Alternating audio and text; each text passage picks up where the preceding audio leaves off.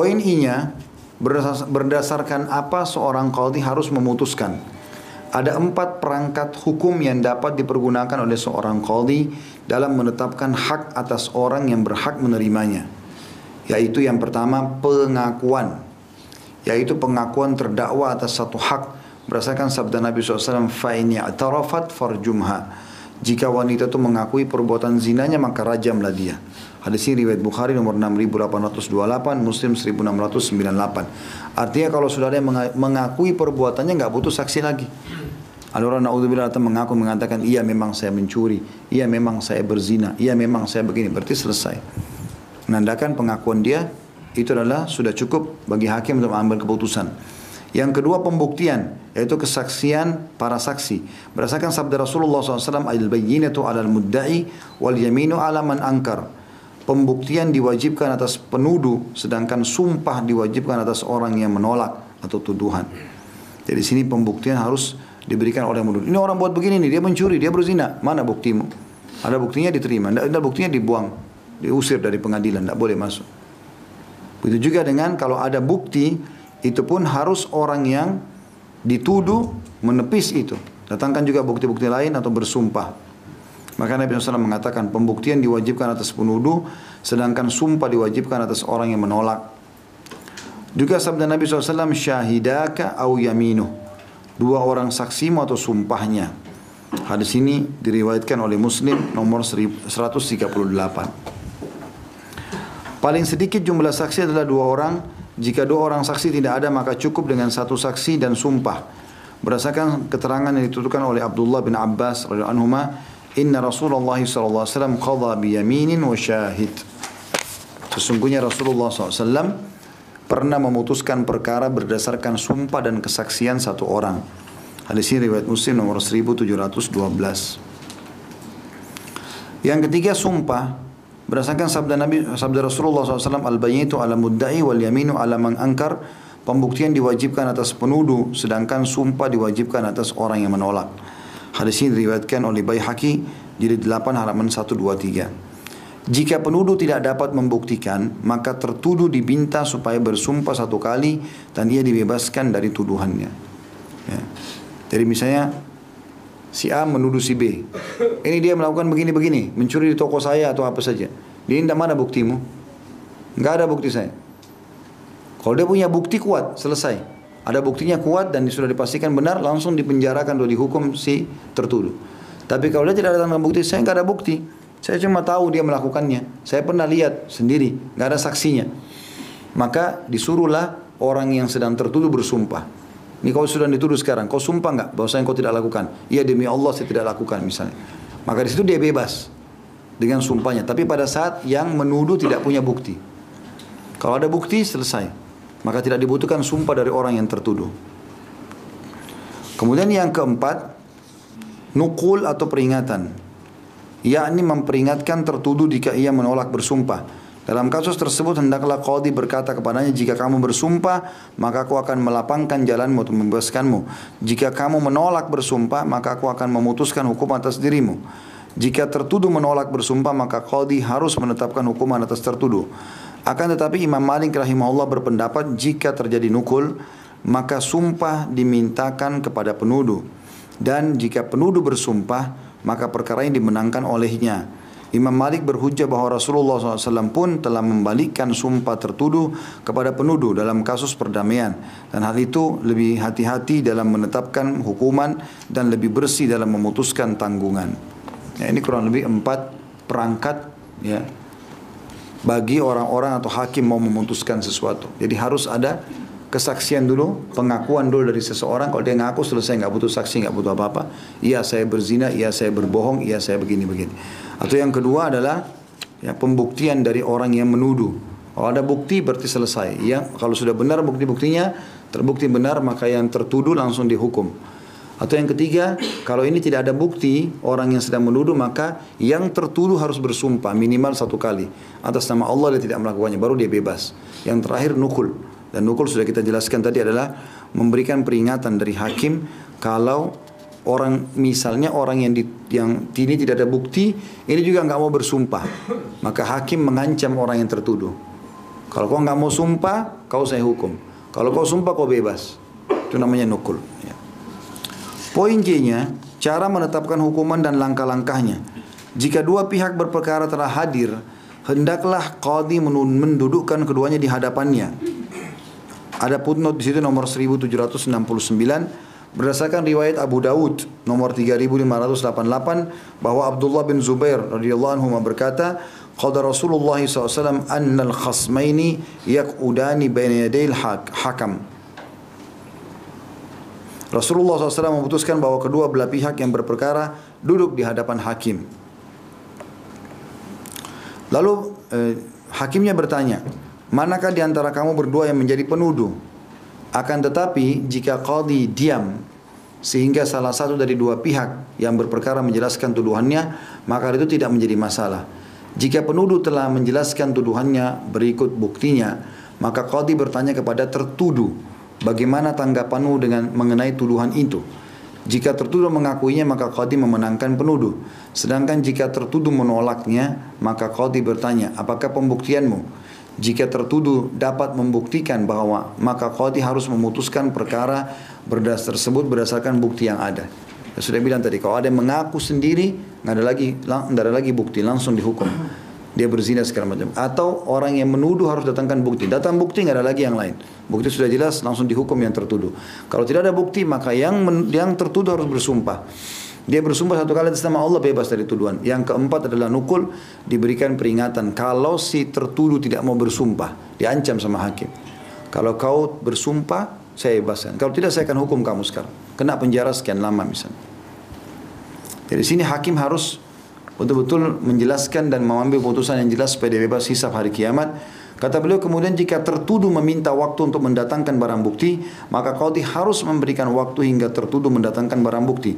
Jika tertuduh tidak dapat mendatangkan barang bukti, maka qadi bertanya kepada tertuduh, apakah kamu bersedia bersumpah? Jika tertuduh bersedia bersumpah, maka qadi harus membebaskannya dari tuduhan. Sedangkan jika tertuduh menolak bersumpah, maka qadi bertanya kepada tertuduh, jika kamu menolak bersumpah, maka qadi akan memberikan vonis. Tapi alangkah baik jika sumpah itu dikembalikan kepada penuduh dan jika penuduh bersedia bersumpah maka qadi harus menetapkan hukuman dan memenangkannya. Hal itu berdasarkan hadis yang diriwayatkan oleh Muslim dari Wa'il bin Ujr radhiyallahu anhu bahwa dua orang terlibat sengketa di mana yang satu berasal dari Hadramaut yang satu lagi berasal dari Kindah. Mereka terlibat sengketa kemudian keduanya mengadukan perkaranya kepada Rasulullah SAW Orang Hadramaut berkata, Ya Rasulullah, orang ini, orang Kindah, telah merampas tanahku. Orang Kindah berkata, tanah itu adalah tanahku dan berada dalam penguasaanku. Sedang ia Hadramaut tidak memiliki hak apa pun di dalamnya. Maka Rasulullah SAW bertanya kepada orang Hadramaut, apakah kamu mempunyai bukti? Orang Hadramaut menjawab, tidak. Rasulullah SAW berkata, jika begitu bagimu sumpahnya. Orang Hadramaut berkata, Ya Rasulullah, orang ini sangat jahat sehingga ia tidak peduli dengan apa yang aku sumpahkan dan ia tidak takut dari apa pun. Rasulullah SAW bersabda, kamu tidak memiliki apa-apa darinya kecuali itu. Hadis ini riwayat Muslim nomor 139. Mungkin ada teman-teman yang bilang, Ustadz kalau seandainya kita mau tuduh orang, kita nggak ada bukti.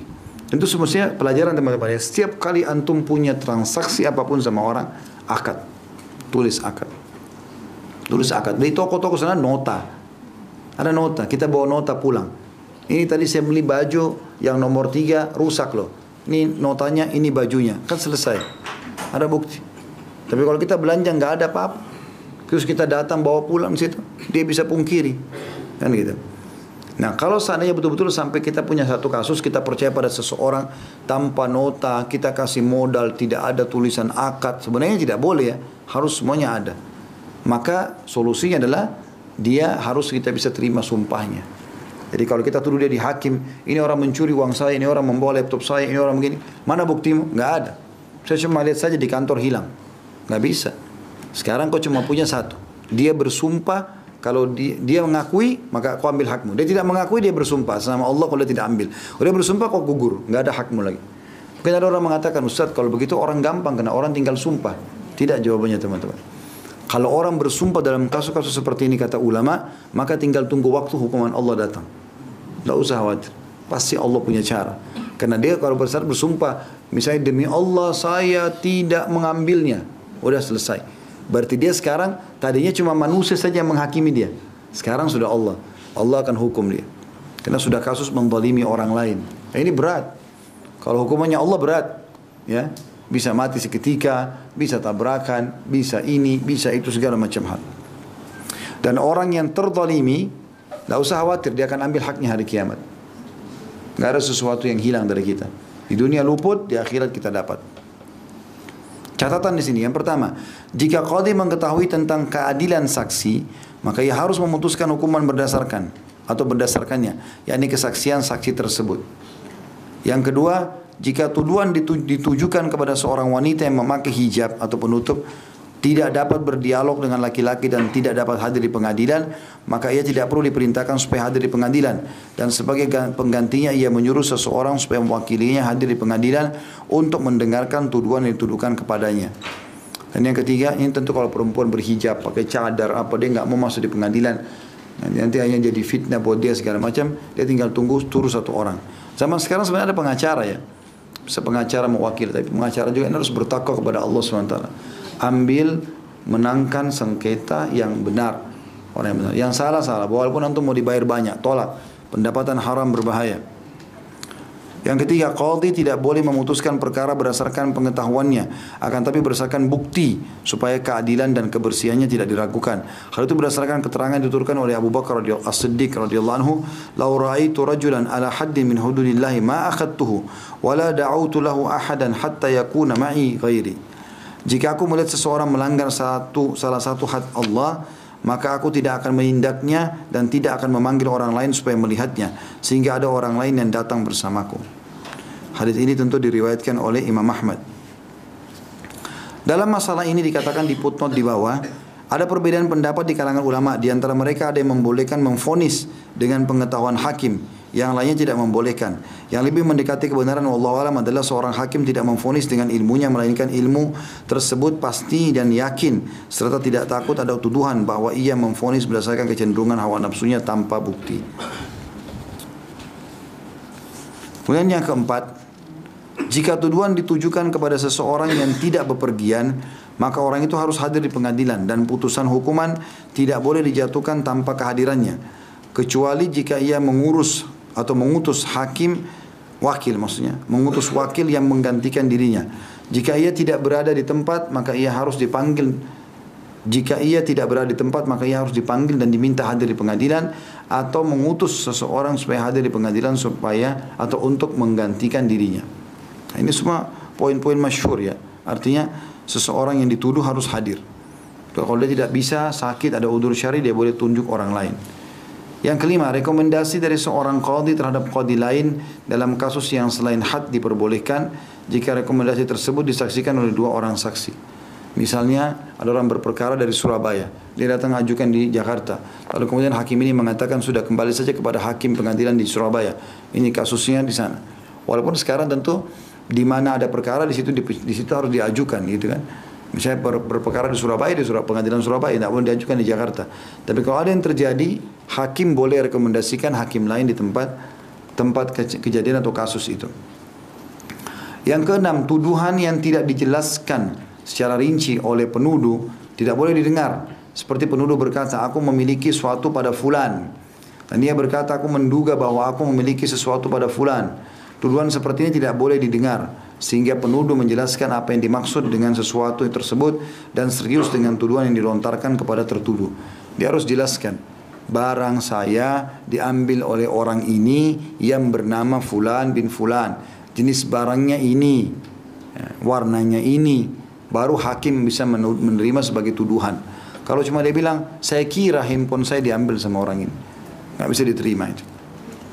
Yang ketujuh, Keputusan hukum yang ditetapkan qadi dalam hal-hal yang nyata dalam kurung bersifat lahiriah bukan batiniah tidak boleh menghalalkan hal-hal yang diharamkan dan tidak boleh mengharamkan hal-hal yang dihalalkan.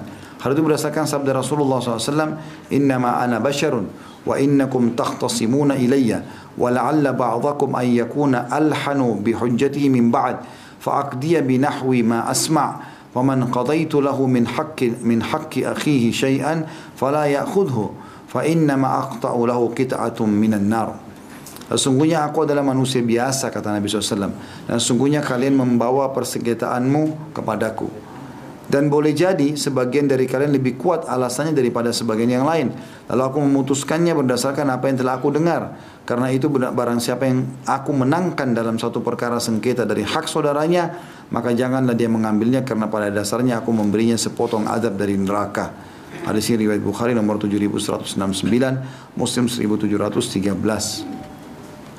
Jadi kalau hal-hal yang jelas depan mata, hakim harus betul-betul bijak Bahkan kata ulama, kalau dia sudah lihat argumentasi disampaikan oleh si A sama si B, si A punya argumentasi kuat.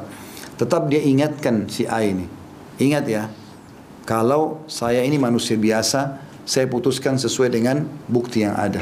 Kalau seandainya yang kau ambil ini bukan hakmu, kembalikanlah sebelum kau dihisap hari kiamat. Karena saya hanya memutuskan ya sesuatu sesuai dengan apa yang saya lihat. Kalau salah dan kau tetap berjalan dengan itu, berarti saya sedang memutuskan atau memberikan kepadamu sepenggal adab di hari kiamat. Gitu. Yang kedelapan, jika dua barang bukti saling bertentangan dan tidak ada sumber pembuktian yang lainnya, maka bagi salah satu dari dua pihak yang berperkara, ya, maka hak yang disekitakan dibagikan kepada ke, ke, kepada kedua belah pihak yang sedang berperkara.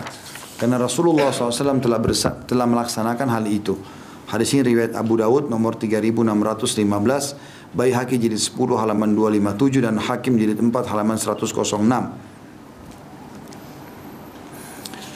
Riwayatnya adalah anna rajulaini da'a idda'aya ba'iran fa aqama kullu wahid minhuma syahidaini faqasamahu faqasamahu Nabi SAW bainahuma. Bahwasanya ada dua orang yang bersengketa atau mempersengketakan seekor unta lalu masing-masing mereka membawa dua orang saksi. Maka Nabi SAW membagi unta tersebut menjadi dua. Jadi ini uh, poin kalau seandainya si yang menuduh dan orang yang dituduh gitu kan mendatangkan masing-masing saksi yang menuduh ini tidak punya bukti kecuali saksi dua dia bersaksi betul unta ini punya dia misalnya unta si A ternyata orang yang tertuduh bilang enggak ini unta saya ini saksi saya juga ada Saksi ini empat orang ini dari dua yang menuduh dan orang yang tertuduh dua-duanya bisa dipercaya. Maka hukumnya adalah dibagi dua harta tersebut. Ya, itu yang diputuskan di, oleh Nabi SAW di dalam hadits Abu Dawud tadi. Ya ini berhubungan dengan masalah qadha ya atau penghakiman, ya, kehakiman. Baik kita kembali lanjutkan insyaallah pada malam nanti. Subhanakallahumma bihamdika asyhadu an la ilaha illa anta astaghfiruka wa atubu ilaik. Wassalamualaikum warahmatullahi wabarakatuh.